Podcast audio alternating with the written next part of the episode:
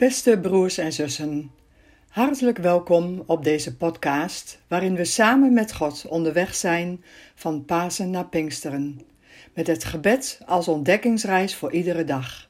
Fijn dat jullie luisteren. Vandaag de laatste dag van deze week, met als thema Gaandeweg.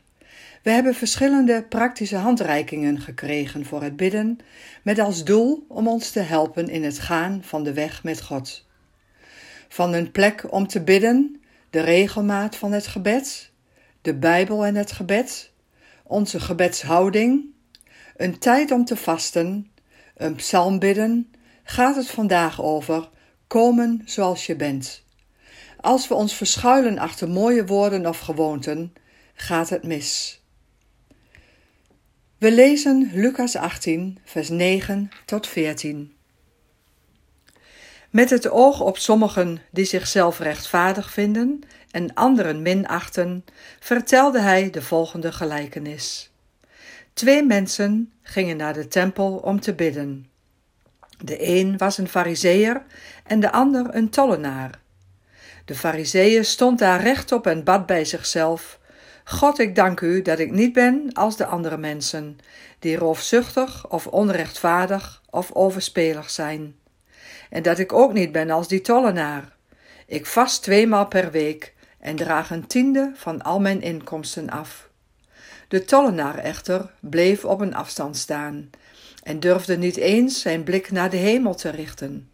In plaats daarvan sloeg hij zich op de borst en zei: God, wees mij zondaar genadig. Ik zeg jullie, hij ging naar huis als iemand die rechtvaardig is in de ogen van God, maar de ander niet. Want wie zichzelf verhoogt, zal vernederd worden. Maar wie zichzelf vernedert, zal verhoogd worden. De dagtekst is vers 10. Twee mensen gingen naar de tempel om te bidden. Kijk, hier komen we iemand tegen die niets aan God te vragen heeft. Hij is tevreden met zichzelf. Zijn leven ziet er prima uit. Niet alleen wat werk en privé betreft, maar ook zijn godsdienstig leven. Zijn naam is Fariseer en hij dankt voor wat hij heeft en wie hij is. Daartegenover zien we de tollenaar. Hij schaamt zich zo dat hij voor in de tempel blijft staan. Aan danken komt hij niet toe. Hij heeft slechts één vraag, één noodkreet: God, wees mij zondaar genadig. De tollenaar is dus niet te trots om God om hulp te vragen. Zijn problemen zijn zo groot geworden dat hij niet anders kan dan heel zijn leven op God werpen. Nee, wij hoeven niet allemaal eerst als de tollenaar te worden.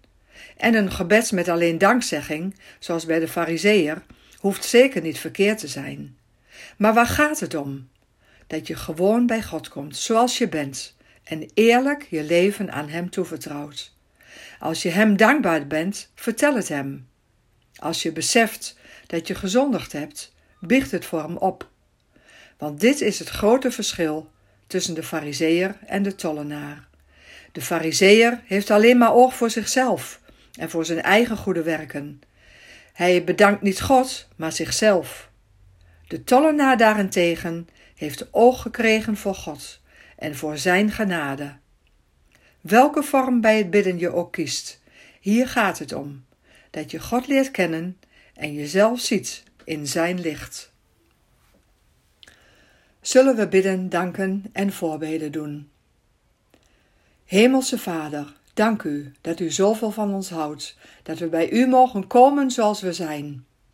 Het gaat er bij u niet om dat we mooie woorden bidden of de veelheid aan woorden.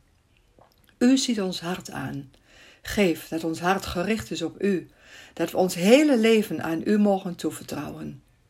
Dank u wel voor uw onvoorwaardelijke liefde. Ik wil u bidden voor alle mensen die uw liefde nog niet kennen. Laat hen zien dat u hen lief hebt, dat uw hart naar hen uitgaat. Heilige Geest, vul ons met kracht en maak ons vol van geloof, zodat Jezus in onze harten is en wij leven vanuit Zijn liefde. Dat we als kerk vanuit die liefde mogen groeien en bloeien. Maak ons tot zegen voor onze omgeving. In Jezus' naam. Amen.